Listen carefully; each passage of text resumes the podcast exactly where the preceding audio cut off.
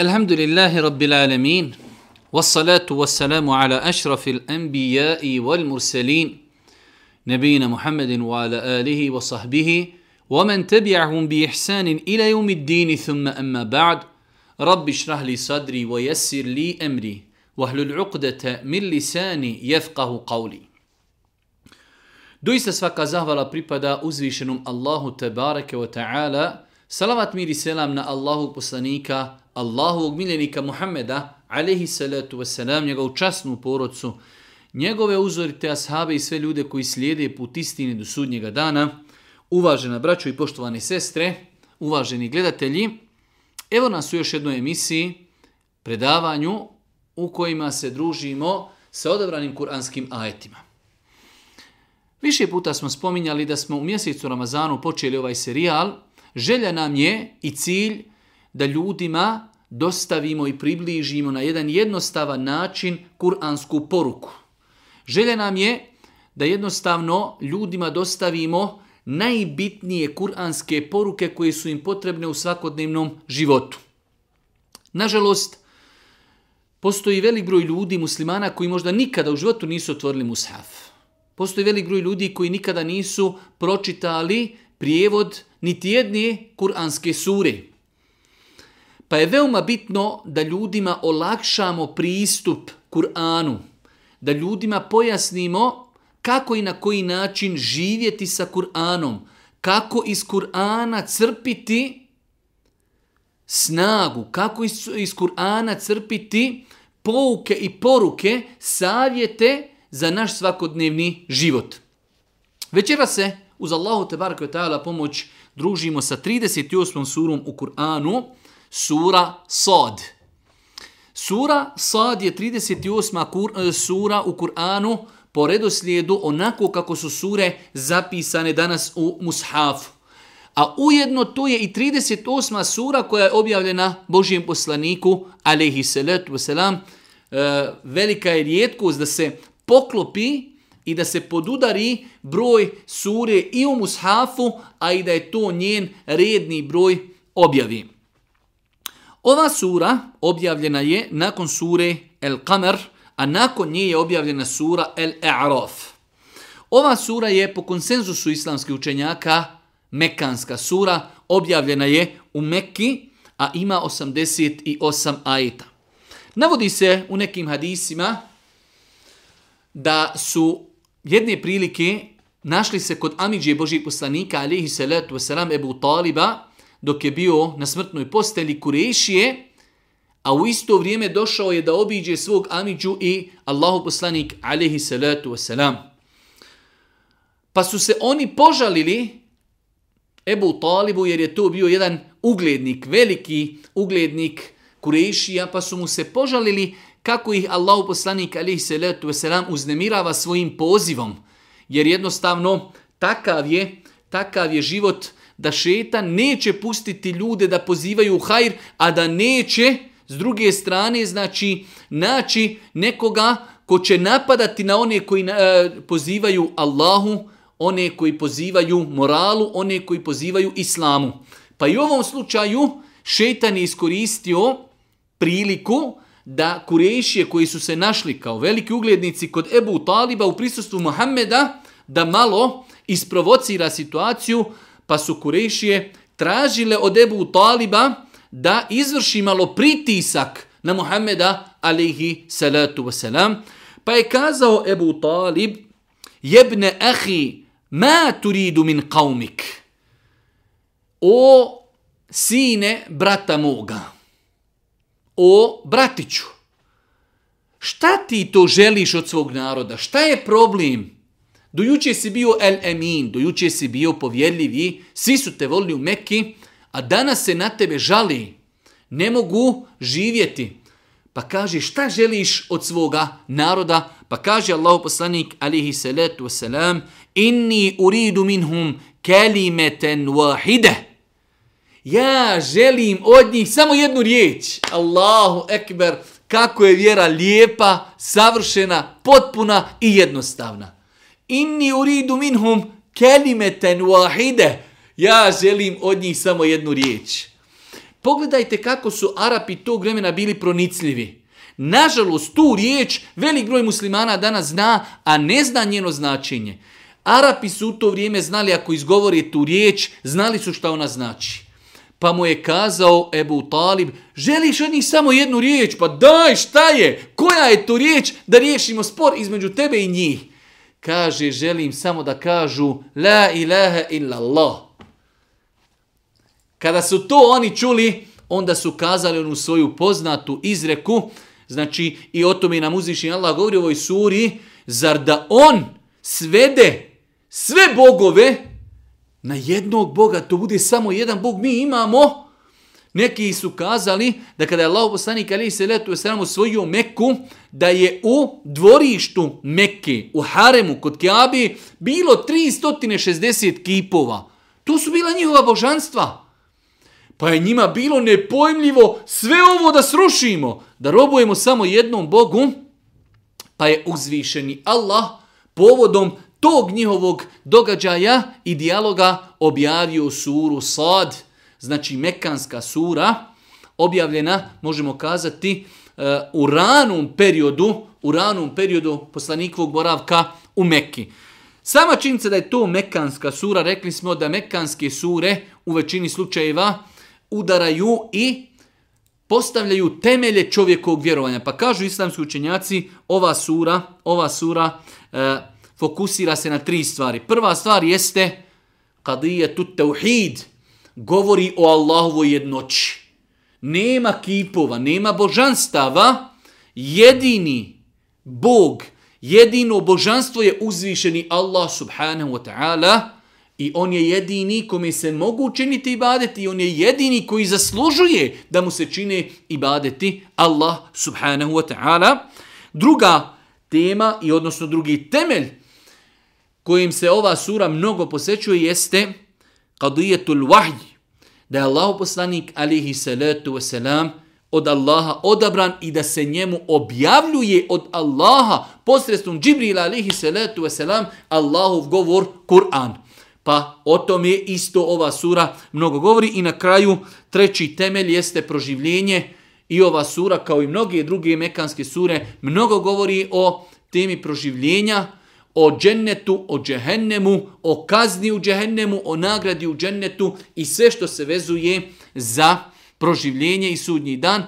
Pa su ovo tri temeljna, tri temeljna postulata e, kojima se najviše posvećuje ova sura. Allahova subhanahu wa ta'ala jednoća, da on nema nikakvog sudruga, da se samo njemu ibadeti čine, isto tako da je on, Muhammed alaihi salatu wasalam, odabran od strane Allaha te barake ta'ala da bude posljednji poslanik ljudima, čovečanstvu na zemlji, da posredstvom Džibrila alaihi salatu wasalam dobiva objavu, Kur'an i treća stvar, znači pitanje proživljenja, pitanje sudnjeg dana, pitanje nagrade i kazne nakon polaganja računa na sudnjem danu.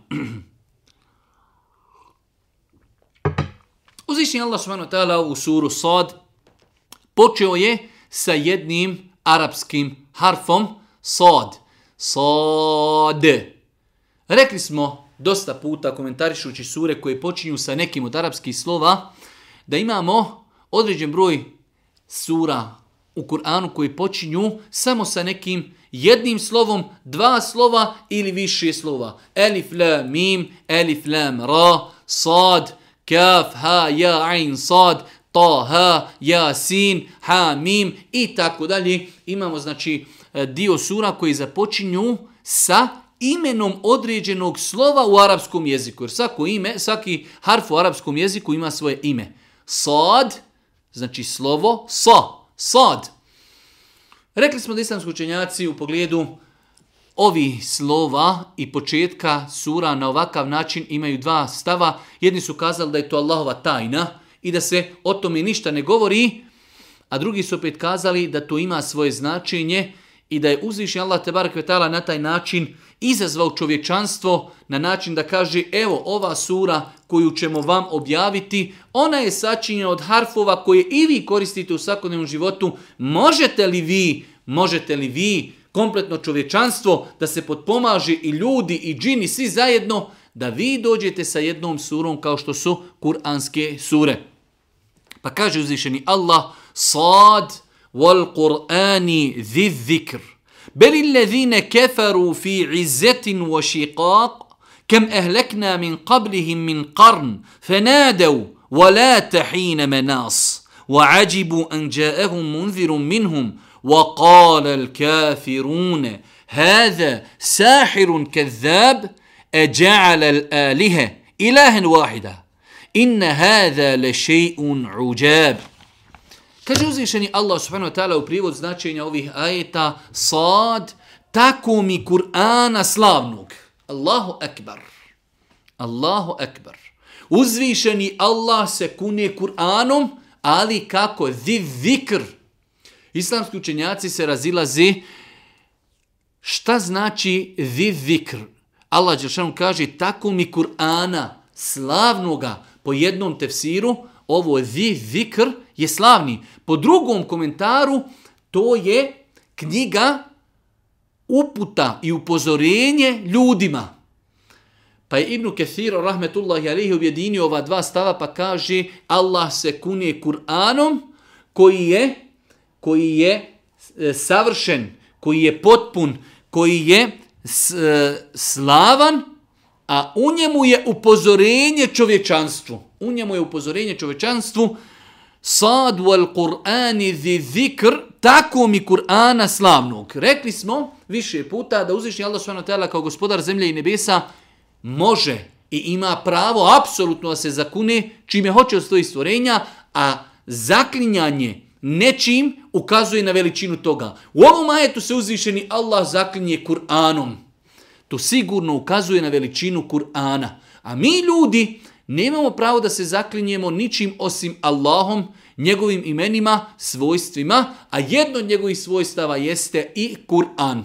Pa je muslimanima dozvoljeno da se kunu Kur'anom, kao govorom uzvišenog Allaha subhanahu wa ta'ala, sad tako mi Kur'ana slavnog, koji je opomena ljudima. Doista su bahati i nađe oni koji neće da vjeruju. I nađe, doista su bahati i nađe su oni koji neće da vjeruju. Ja sam više puta spominjao da ne mogu da vjerujem da dođe insan, koji objektivno kaže tragam za istinom i bez predrasuda dajte mi Kur'an, govor uzvišnog Allah i dajte mi sunnet Božijeg poslanika ali se letu selam, a da insan taj koji objektivno bez predrasuda pristupi Kur'anu, želi istinu, ovo je mnogo bitno, želi istinu, objektivno čita bez predrasuda, nemoguće a da insan ne svati istinu. Zato uzvišeni Allah subhanahu wa ta'ala kada smo govorili u jednoj od sura وَجَحَدُوا بِهَا وَاسْتَيْقَنَتْهَا أَنْفُسُهُمْ Oni su negirali istinu, ali su duboko u svojoj duši bili ubjeđeni da je to istina.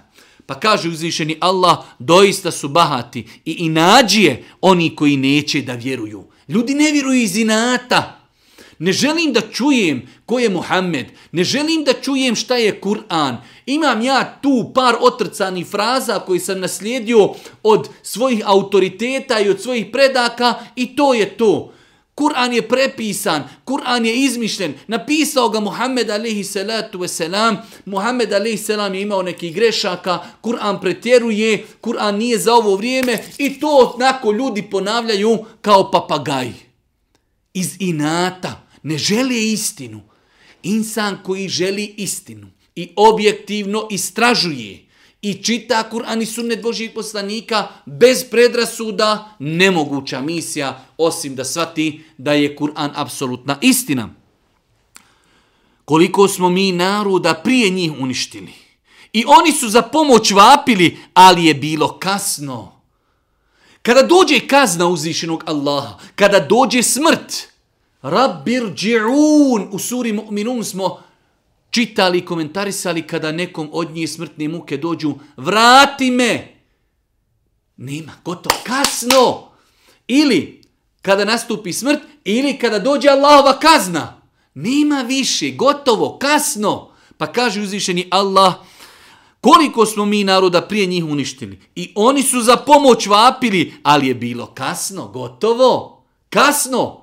Sada, dok si živ, dok si zdrav, sada treba prihvatiti istinu. Oni se čude što im je jedan od njih došao da ih opominje i govore nevjernici, ovo je čarobnjak, lažov, sihribaz. Čude se, zar može insan da bude poslanik? Allah Đelšanu iz njegove mudrosti i pravednosti ljudima nije slao osim nekoga iz naroda. Onoga koga oni razumiju, onoga koga oni znaju, onoga ko njih poznaje. Pa su poslanici uvijek bili iz reda insana, ljudi, muškaraca. Jer da je melek poslanik, uvijek bi ljudi rekli, lahko je meleku. Allah ga tako stvorio. Mi imamo protjeve, mi imamo supruge, mi imamo potrebu za egzistencijom. Pa je Muhammed alihi salatu wasalam praktično pokazao da čovjek može imati porodicu i da može biti insan i da ima potrebe egzistencije i da može živjeti po smjernicama uzvišenog Allaha te barake ta'ala pa kaže oni govori ovo je čarobnjak i lažov. Prije poslanice je bio El Emin. A kada je dobio poslanicu od uzvišenog Allaha, odma se prevrnula ploča pa kaže ovo je sihribaz i ovo je lažov. Insan vjerni kada krene putem istine, rekli smo da će šetan nagovoriti ljude da ga vrijeđaju, nagovorit će ljude da ga psuju i tako dalje. Ne treba, ne treba da posusta na putu istine. Zašto? Bolje od nas su govorili gore stvari nego što govori nama. Allahu poslanik je prošao iskušenja koja niko od nas nije prošao.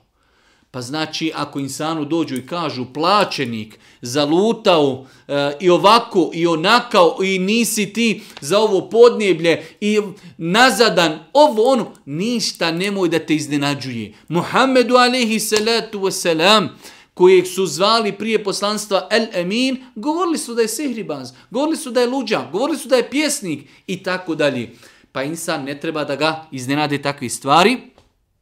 Zar on da bogove svede na Boga jednog? Pitaju. To je zaista, zaista ne, nešto veoma čudno. To je njima bio veliki problem. Zar da sve bogove svede, da sam bude jedan? Mi hoćemo da svako ima svog Boga. Stakfirullah. Pa je osnova misije Muhammeda alaihi salatu wasalam i svih drugih poslanika pozivanje u monoteizam, pozivanje da je jedan jedini Bog, la ilahe illallah, nema Boga osim Allaha. Samo se njemu ibadeti čini, samo se njemu robuje, nikome drugome. Niko drugi ne zaslužuje da mu se ibadeti čini.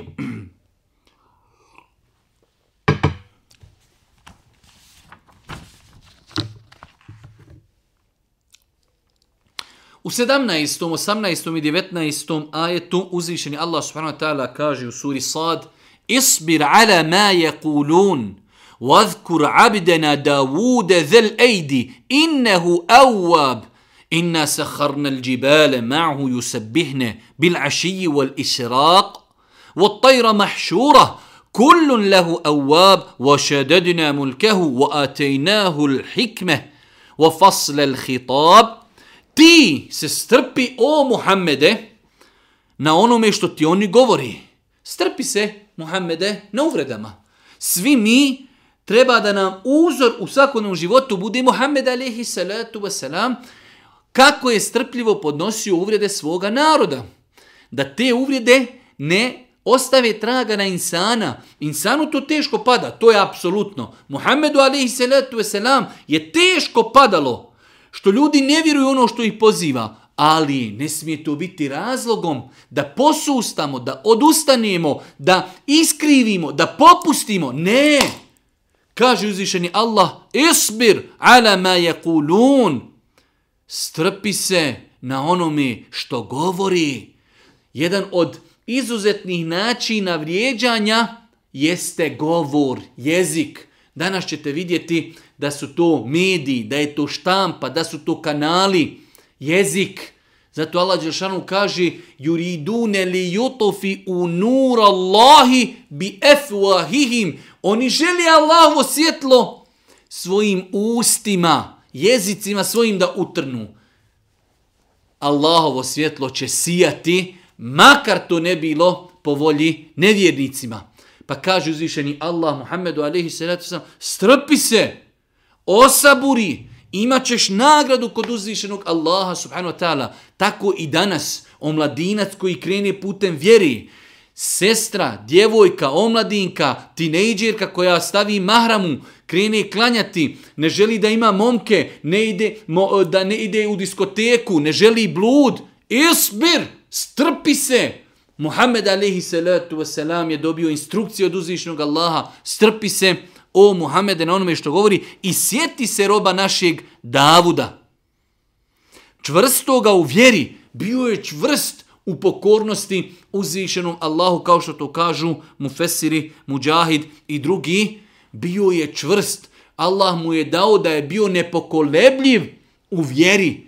Pa kaže uzvišeni Allah, strpi se i sjeti se našeg, našeg odabranog roba, roba Davuda, alihi salatu wasalam, čvrstog u vjeri, koji se uvijek Allahu obraćao. Mi smo brda počinili da zajedno s njime hvali Allaha. Prije nego što sunce zađe i poslije pošto grani i ptice okupljene, svi su oni zbog njegova hvaljenja hvalu ponavljali. Allahu ekber. Mi smo više puta govorili o Davudu alaihi salatu wasalam, o nijametima i blagodatima koje mu je uzvišeni Allah tebarak ve ta'ala podario. Jedna od blagodati jeste da mu je da mu je dao da je svojim rukama mogao uh, upravljati, raditi, lomiti i šta god želi od željeza. Allah Želšanu mu je dao da je željezo u njegovim rukama bilo mekahno. Allah Želšanu ga je počastio da su zajedno sa njim planine veličale Allaha. Kada on nešto radi, kada čita, e, znači e, Tevrat, te vrat, tada bi, odnosno Zebur, kada bi čitao veličao bi uzvišnog Allaha, planine su i ptice. Ptice kada bi letjele, kako, kao što kažu mu fesiri iznad njega, pa bi čule kako on veliča uzvišnog Allaha, bile bi zaustavljene iznad njega da i one zajedno sa njim veličaju uzvišenog Allaha subhanu wa ta'ala. Pa kaže uzvišeni Allah i na kraju ovih ajta i učvrstili smo carstvo njegovo, njegov mulk, njegovu vlast i dali smo mu vjerovjesnistvo i sposobnost da rasuđuje, da bude pravedan kada donosi, kada donosi presude među ljudima. Pa uzvišnji Allah subhanahu wa ta'ala ovdje eh, Muhammedu alaihi salatu wasalam spominje da se prisjeti Davuda alaihi salatu wasalam tog odabranog groba eh, koji je uzvišnji Allah subhanahu wa ta'ala počastio sa različitim nijametima i blagodatima Jedna od tih blagodati jeste da je učinio željezo mehkim u njegovim rukama, od toga je pravio pancire koji bi štitili ljude prilikom borbe, a isto tako e, životinje, ptice, planine veličale su Allaha subhanahu wa ta'ala zajedno sa njegovim veličanjem uzvišenog Allaha subhanahu wa ta'ala.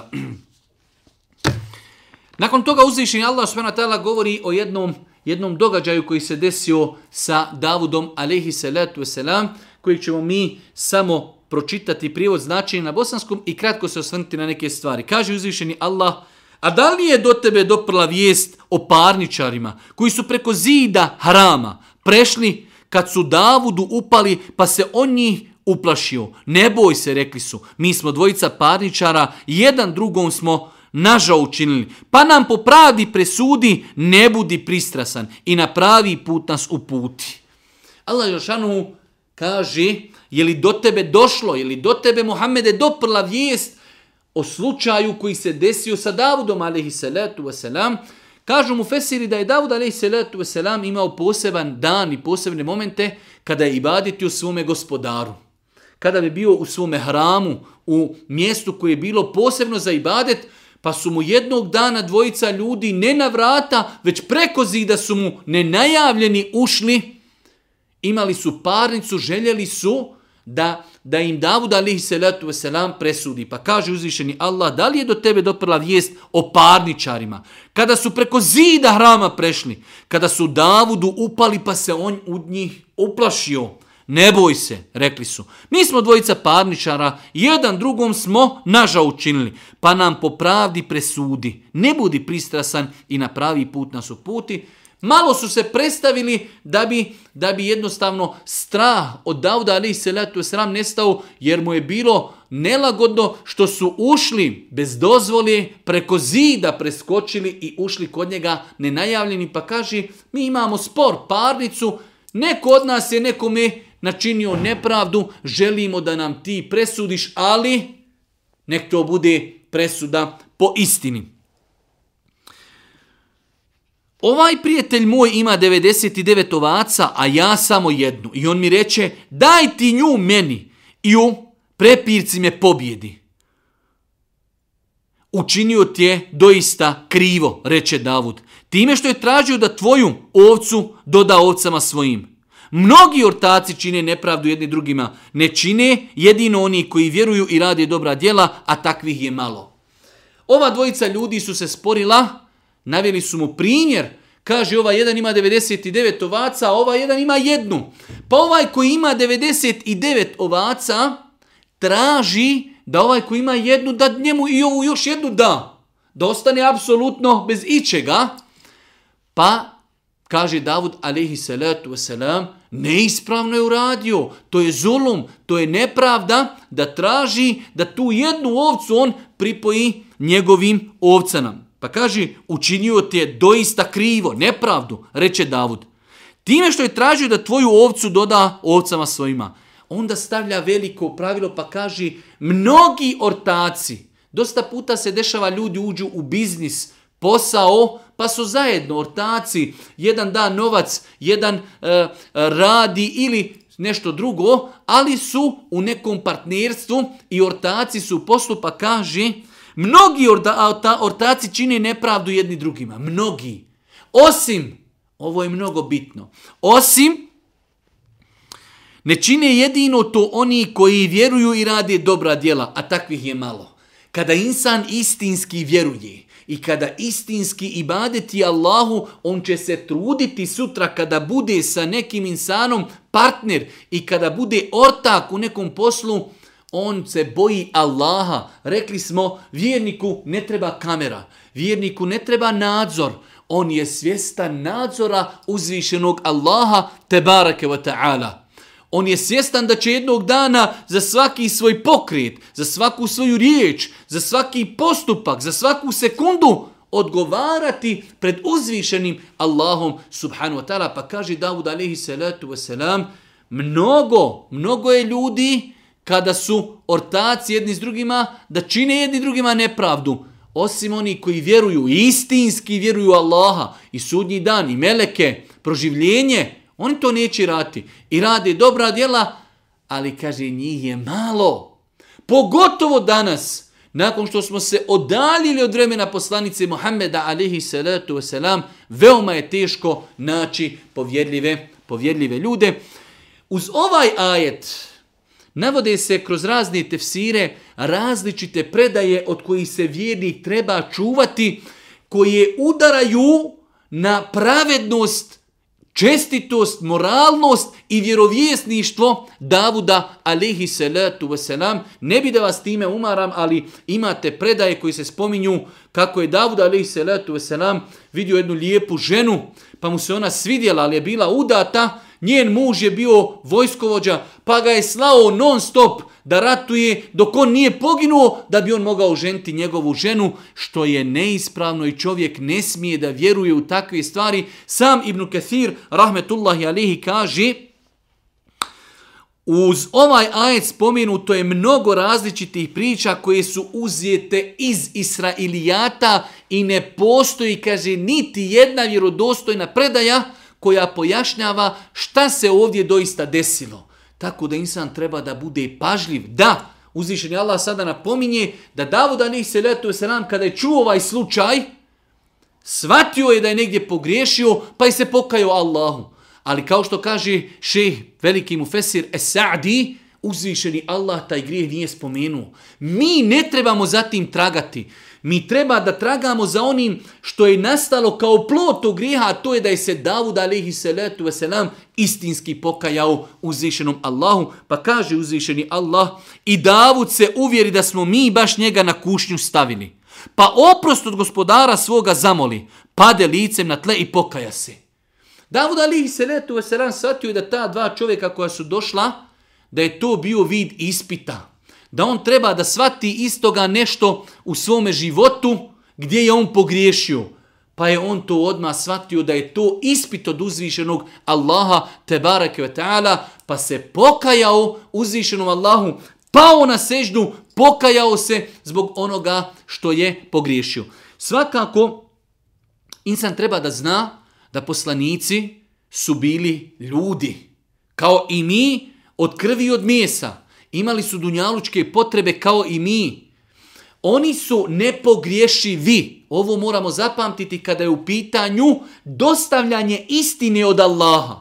Znači, poslanici su nepogriješivi u pitanju dostavljanje poslanici. Ali su oni insani, mogu i oni pogriješiti, mogu i oni napraviti grijeh, ali se oni pokaju od tog grijeha. Ja sam jedne prilike spomenuo da je Muhammed alaihi salatu wasalam, kada je klanjao noći namaz, pa mu je Iša rekla, Allahu poslaniće, toliko plaćeš, toliko klanjaš, a tebi Allah oprosti ono što si uradio i što ćeš uraditi. Pa su neke osobe istog hadisa shvatile, pa zar to znači da Muhammed a.s. ima grijeha i tako dalje. Uzvišeni Allah navodi kroz Kur'an više poslanika koji su napravili određene grijehe u svome životu, ali su se nakon toga pokajali. Pa je znači tačno da mi muslimani vjerujemo da poslanici u pogledu u pogledu dostavljanja istine tu su nepogrešivi. Neće uzvišeni Allah dopustiti da neki poslanik ne dostavi istinu ljudima. Ali zbog toga što su oni insani, zato što imaju pri sebi to svojstvo insanstva, može se desiti da i oni nekada pogriješi, ali se oni vraćaju uzvišenom Allahu subhanu wa ta'ala i kaju se zbog onoga što su uradili. Pa kaži i Davud se uvjeri da smo mi baš njega na kušnju stavili. Pa oprost od gospodara svoga zamoli, pade licem na tle i pokaja se. Mi smo mu to prostili i on je doista blizak nama i divno prebivalište, prebivalište ga čeka. Svatio da je to iskušenje, pokajao se, pao na seždu, vratio se Allahu, pa mu je Allahu kabulio njegovu teubu i pokajanje i pohvalio ga da je on na posebnom stepenu kod uzvišenog Allaha te barake ve ta'ala. Kaže uzvišeni Allah u 26. ajetu, znači u zajedno s ovim ajetima, o Davude, mi smo te namjesnikom na zemlju učinili. Zato sudi ljudima po pravdi, Jedna od glavnih stvari zašto su dolazili poslanici jeste pravda. Da donesu pravdu, da među ljudima kada su u pitanju međuljudski odnosi, da ispravno presude. Pa kaže uzvišeni Allah, o Davude, mi smo te namjesnikom na zemlju činili. Zato sudi ljudima po pravdi i ne povodi se za strašću da te ne odvede sa Allahova puta mnogo bitna stvar, ne povodi se za strašću. Strast je definitivno jedan od najvećih faktora zašto ljudi na Dunjaluku čine jedni drugima nepravdu. Zašto ljudi ne vjeruju, zašto ljudi ne pokoravaju se strast.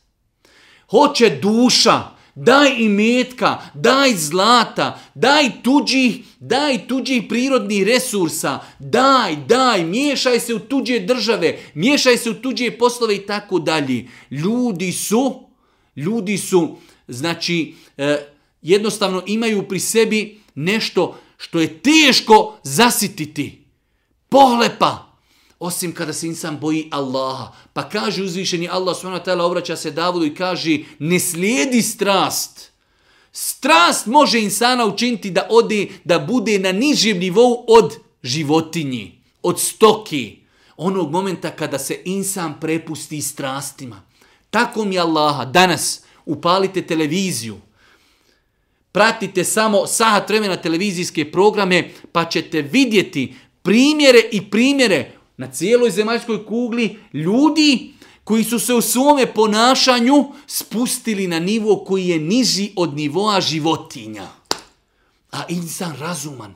Allah mu podario razum da razumije šta valja, šta ne velja, šta šteti, šta ne šteti. Pa uzvišeni Allah ovdje spominje mnogo bitnu stvar. Nemoj slijediti strasti, pa, te, pa će te strasti odvesti od Allaha i odvešćete krivim putem. Pa kaži, i ne povodi se za strašću da te ne odvede sa Allahog puta. Oni koji skreću sa Allahog puta čeka teška patnja na onom svijetu zato što su zaboravili na dan u kojem će račune polagati.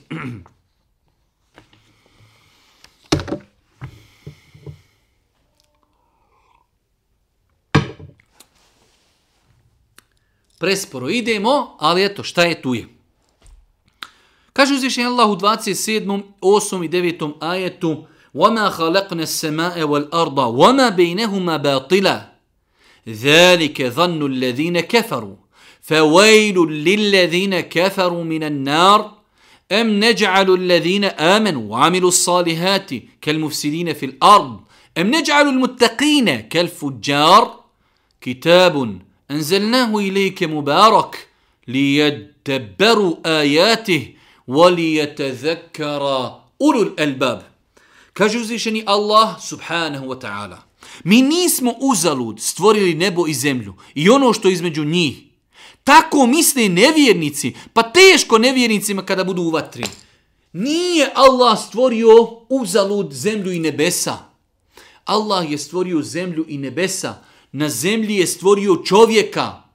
Stavio ga na ispit. Sve je stvoreno s ciljem. Vidjeli smo malo prije i ptice i planine. Sve veliča uzvišenog Allaha. Sve je pokorno Allahu. Nije to nastalo od majke prirodi. To je apsolutno najveća laž koja postoji na, u historiji čovečanstva. Zemlju i nebesa i ono što je na nebesima i što je između nebesa i zemlje i na zemlji i u zemlji, sve je stvorio uzvišeni Allah subhanahu wa ta'ala. Tako mora vjerovati vjernik. Sve mimo Allaha je stvorenje. Sve je stvorio uzvišeni Allah subhanahu wa ta'ala. Pa kaže uzvišeni Allah, mi nismo uzadlud stvorili nebo i zemlju. I ono što između njih, tako misle nevjernici, pa teško nevjernicima kada budu u vatri. Zar ćemo postupiti s onima koji vjeruju i čine dobra djela kao s onima koji pravi nered na zemlji? Allah se čudi i pita. Hoćemo li postupiti sa vjernicima koji vjeruju i rade dobra djela kao oni koji čine nered na zemlji? Ma nemoguće, ma lekum kejfe tahkumun. Šta vam je? Kako rasuđujete? Čovjek vjeruje, boji se Allaha, čuva tuđa prava, čuva tuđu, čuva tuđu prašinu, I dođeš na sudnji dan, on i onaj koji je bio mufsid, koji je činio nered na zemlji, pobio hiljede, pobio stotine, protjero hiljede, silovo hiljede, ubio, uništio, eksploatiso, isti. Ama, malekum, kejfe tahkumun, šta vam je, kako rasuđujete? Možda na Dunjaluku takve ne stigne pravda, možda ali će ih stići apsolutna pravda za svaki trun nepravdi na ahiretu. Pa Allah Žešan kaže, zar mislite da ćemo učiniti isti oni koji vjeruju? Boji se Allaha, boji se sudnjeg dana, rade dobra djela i oni koji čini nered na zemlji. Danas je mnogo onih koji čine nered na zemlji. Ljudi uništavaju planetu, ljudi uništavaju čovječanstvo pod razno raznim nekim izgovorima pravi fesad na Allahovoj zemlji. Mislite li da će takvi proći nezapaženo i nekažnjeno? Nemoguća misija. Ko uradi trun zla, vidjet će ga. Trun zla, vidjet će ga. Kamo li mora i okeana zla, ko uradi? Pa kaže uzvišeni Allah subhanahu wa ta'ala, Ili, zar ćemo postupiti s onima koji se grijeha klone isto kao sa griješnicima? Je li mislite da ćemo isto postupiti sa ljudima koji se bojali Allaha? Bili bogobojazni i onima koji su griješili? Čovjek ustaje na sabah, abdesti, pazi se harama, ne ide u kladioncu, ne pije alkohol, čuva se od nepravdi. Drugi ne klanja, ne posti, u kladionici, alkohol, prevara, mito, korupcija, nepotizam. Je li moguće da budu isti, pokorni, nepokorni? Nemoguća misija. Možda na Dunjaluku prođu nekažnjeni, ali na Ahiretu nikako. Pa ćemo, kaže Allah, postaviti ispravne Terezije na sudnjem danu. Ispravne Terezije.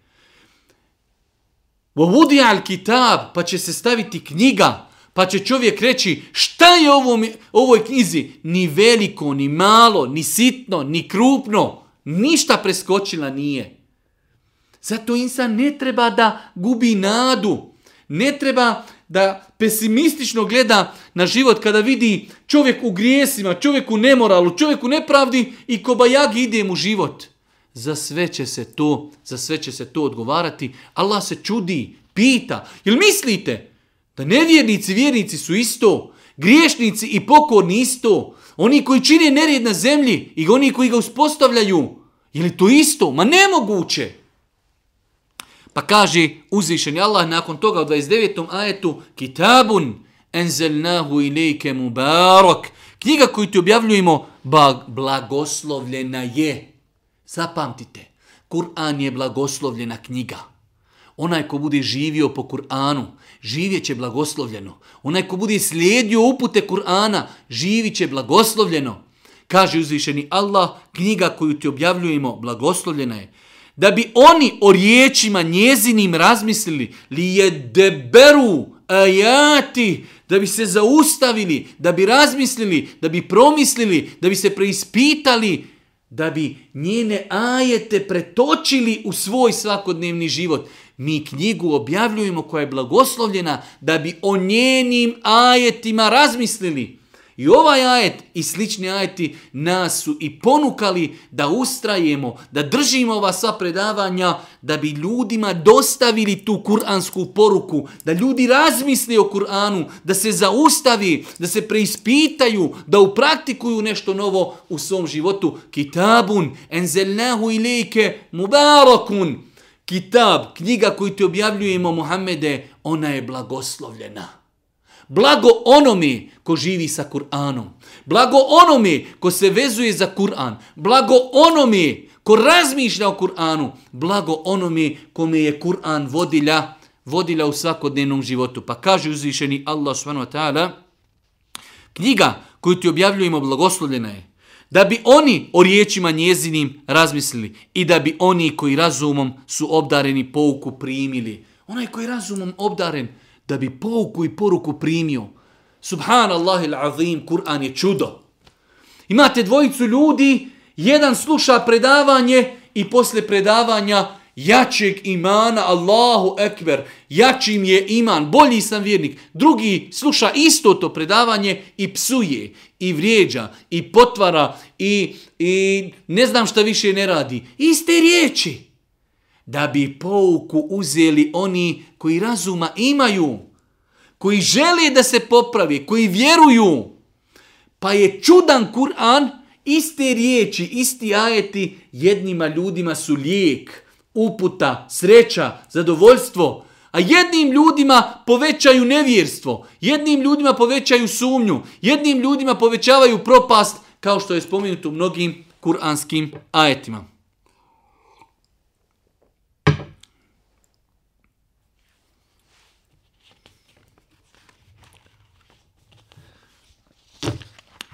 Nakon toga, uzvišnji Allah s.w.t. u ovoj suri govori i o nekim poslanicima, spomenuo je i Sulejmana, alihi salatu wasalam, spomenuo je i Ejuba, alihi salatu wasalam, mi smo već u nekim surama, koliko se sjećam, ispominjali Ejuba, alihi salatu wasalam, ono što većina nas zna jeste da je Ejub, alihi salatu wasalam, da ga uzviši Allah u početku njegovog života počastio da je bio ugledan među narodom, da je bio bogat, da je bio lijep, da je imao veliku porodicu, znači iz dunjalkog aspekta bio je i zdrav, imao je mnogo imetka, imao je mnogo djeci. Pa je znači došao nakon toga period iskušenja, siromaštva, kada su ga svi ostavili, izgubio je djecu, izgubio je ugled, znači kao, kao dunjalučki ugled, izgubio je materijalni dio svog života, djecu, materiju i zdravlje. Ostalo je samo srce koje kuca, jezik koji spominje Allaha, te barke od ta'ala, i ostala je od, uz njega njegova supruga koja ga nikada nije napustila. Znači, jedan interesantan historijski primjer strpljenja i sabura, da je Ejub alihi salatu wasalam postao historijski primjer strpljenja i sabura.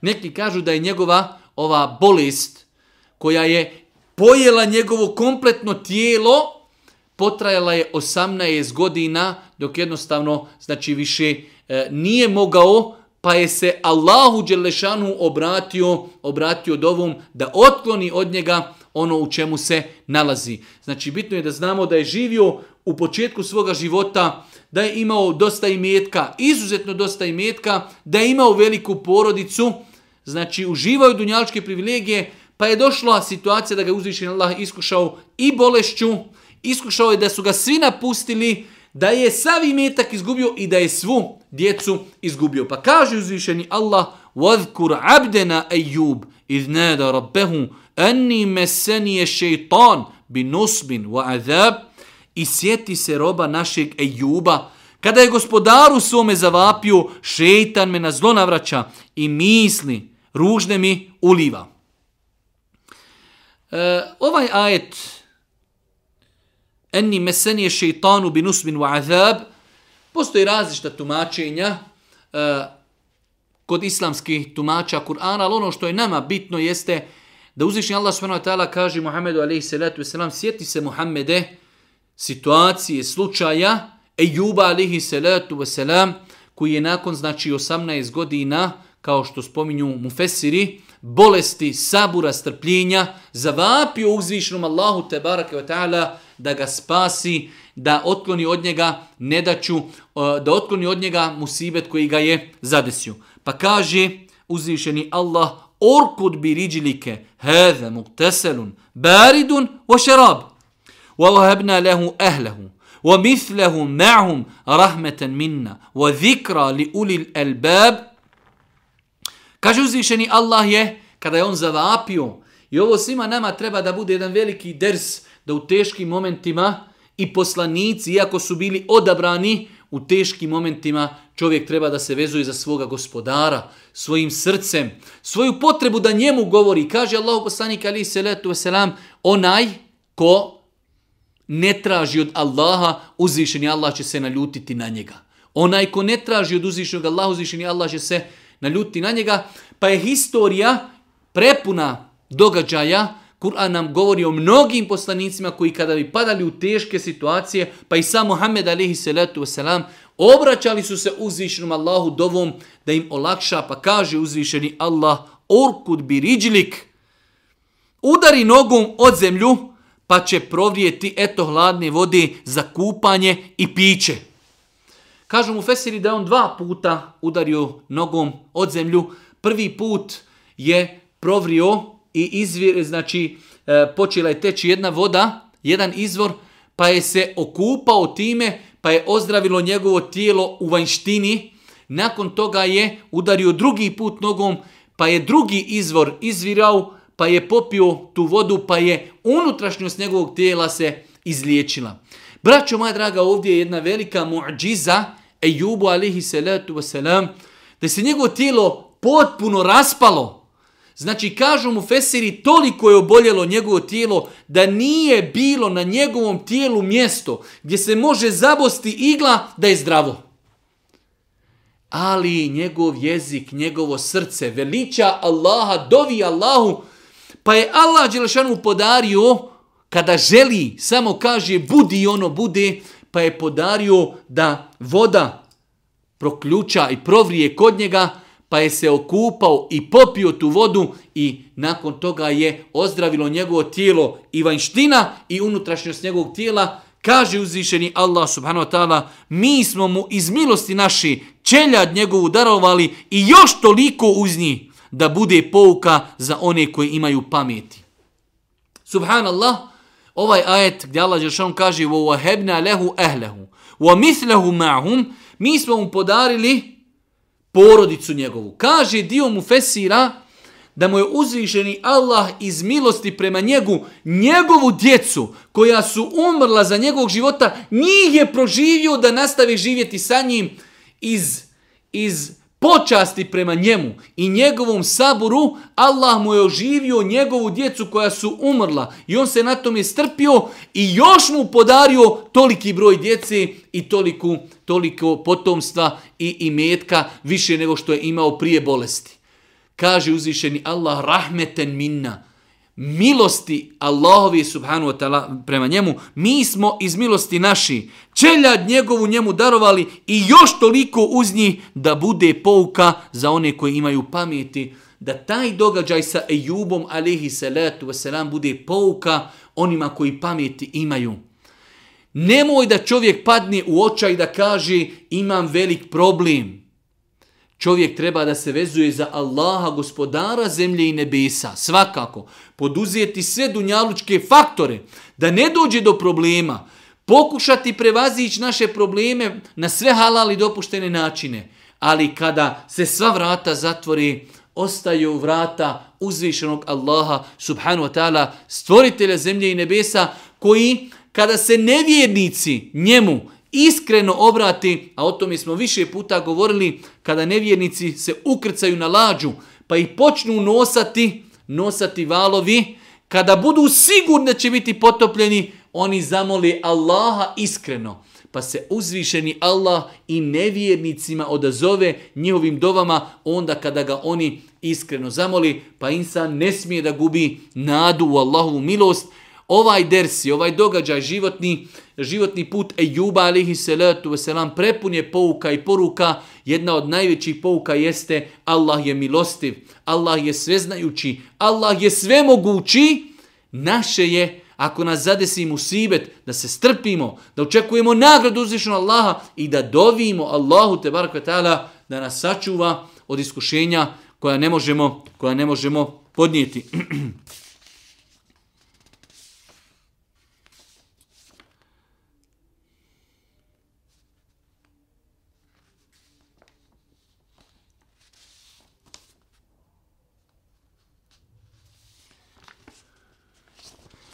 Kaže uzvišeni Allah subhanahu wa ta'ala u 49. pa do 58. ajeta govori o džennetlijama i džehennemlijama. Rekli smo da dosta puta uzvišeni Allah u Kur'anu kada govori o stanovnicima dženneta, nakon toga govori o stanovnicima džehennema, da jednostavno da bi to bila da bi to bio balans ljudima kada čitaju o džennetu, da im to poveća želju za džennetom, a kada čitaju o džehennemu, da ih to zastraši i da im to da snage da ustraju na putu istine, pa kaže uzvišeni Allah, Hada zikr, wa inna lil muttaqine la husne ma'ab, džennati adnin, mufetehaten lahumul abuab, do kraja ovih ajeta, da ih ne citiramo na arabskom, da ne gubimo vrijeme. Kaže uzvišeni Allah, A one koji se grijeha budu klonili, koji budu bogobojazni, čeka divno prebivalište.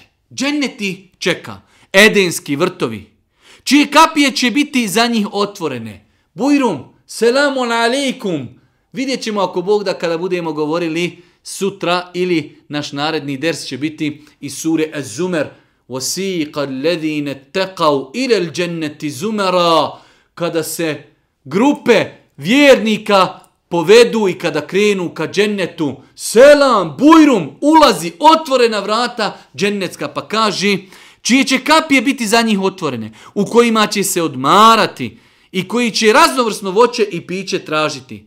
Pored njih će biti hurije, isti godina, koji će preda se gledati. Govorili smo od opisa hurija da će preda se gledati. Kažu mu Fesiri i njihovo srce, i njihove oči, i njihove uši, posvećene su samo onome čije su. One su, za njih je najljepši, najbolji onaj čije su one. Znači one gledaju preda se i očima i srcem i ušima, one su posvećene samo svojim muževima godina isti. To je ono što vam se obećava za dan u kojim će se računi polagati. To će doista blagodat naša biti koja nikada neće prestati. To džennetsko uživanje halidine fiha ebeda ostaće u tom džennetu i rijeke i voće i uživanje i ljepotice i dvorci sve vječno halidine fiha. A da vidimo odmah nakon toga kaže uzvišeni Allah, a oni koji budu zločinili čeka najgore prebivalište. Oni koji budu nevjernici, oni koji budu griješili, nepokorni Allahu subhanahu wa ta'ala, kaže njih čeka najgori prebivalište. Džehennem u kojem će gorjeti, a grozno li je to prebivalište i postelja. Eto toliko, pa neka okušaju vodu ključalu i kapljevinu smrdljivu i druge slične ovima muke mnogostruke. Neka džehennemlije će piti maksimalno vruću ključalu vodu. Znači vodu koja je maksimalno vruća i piće isto tako kao što kažu El Gasak, islamski učenjaci, to je, ovdje je prevedeno smrdljiva kapljevina. Kada ljudi budu gorili u džehennemu, njihove suze i njihov gnjoj i njihove kože i ono što cijedi iz njih, e to će biti piće stanovnika džehennema. Allaha Đelešanu molimo da nas zaštiti i sačuva od džehennema, da ne budemo od onih koji će makar jednu sekundu ući u džehennem. Allaha molimo da nas poštijedi toga i te patnje džehennemske, da će piti ključalu vodu i da će piti, znači, da će piti tečnost koja je nastala iz rana, od kože, e, iz očiju i plakanja stanovnika stanovnika džehennema kao što su pojasnili kao što su pojasnili mufesiri. Pa vidimo uzvišnji Allah subhanahu wa ta'ala ovdje spominje odmah nakon nagrade, spominje kaznu. Da bi to bio balans u našem životu, nadamo se Allahovoj nagradi, žudimo, radimo, pokušavamo, strepimo, strepimo od kazni, I ta kazna nam daje snage da ustrajemo na pravome putu.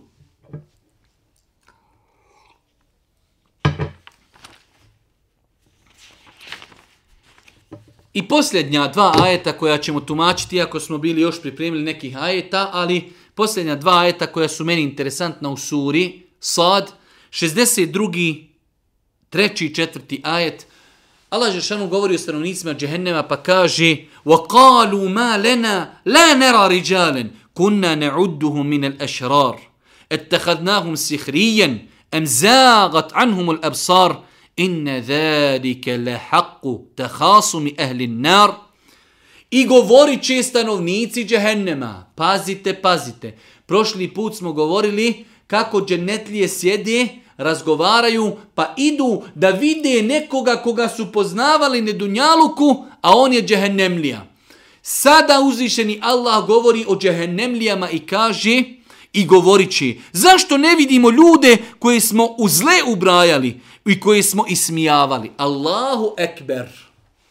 Oni u džehennemu za vjernike, praktičare vjeri smatrali su da su najgori. Oni došli tamo, Pa ako ništa očekuju, daj da budu s nama i ti najgori koji smo mi smatrali najgori, a ne, ti najgori to su vjernici, to su praktičari vjeri, to su oni s kojima su se oni ismijavali. Subhanallah il azim.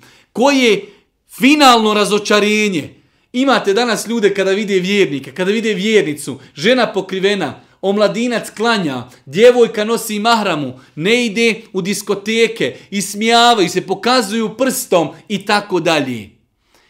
Pogledajte to finalno razočarenje. Gdje su? Ne vidimo ih. Mi smo kontali da su to da su to neki ekstremisti. Mi smo kontali da su oni zalutali. Mi smo kontali da nema tog sudnjeg dana. Mi smo mislili da nema ahireta. Mi smo mislili da nema džehennema. A, razočarenje. Kaže i govorići, zašto ne vidimo ljude koje smo u zle ubrajali i koje smo mi ismijali. Pitaj, nema ih. Pa gdje su? Pa u džennetu uživaju. Da nam se nisu iz vida izgubili. Istina je, sigurno, da će stanovnici džehennema među sobom se na ovaj način raspravljati. Uzvišeni Allah subhanahu wa ta'ala navodi nam ovdje primjer rasprave džehennemlija, oni se jedni s drugima raspravljaju gdje su to one osobe koje smo mi smatrali da su zli, da su neispravni, da su u lalaletu, vjeruju i tako dalje. Pa molimo uzvišnog Allaha subhanahu wa ta'ala da nas učesti na putu istini. Molimo ga subhanahu wa ta'ala da nam bude milostiv na sudnjem danu. I na kraju, subhaneke Allahumma bihamdike, ešhedu en la ilaha illa ente stagfiruke, wa etubu ilaikum.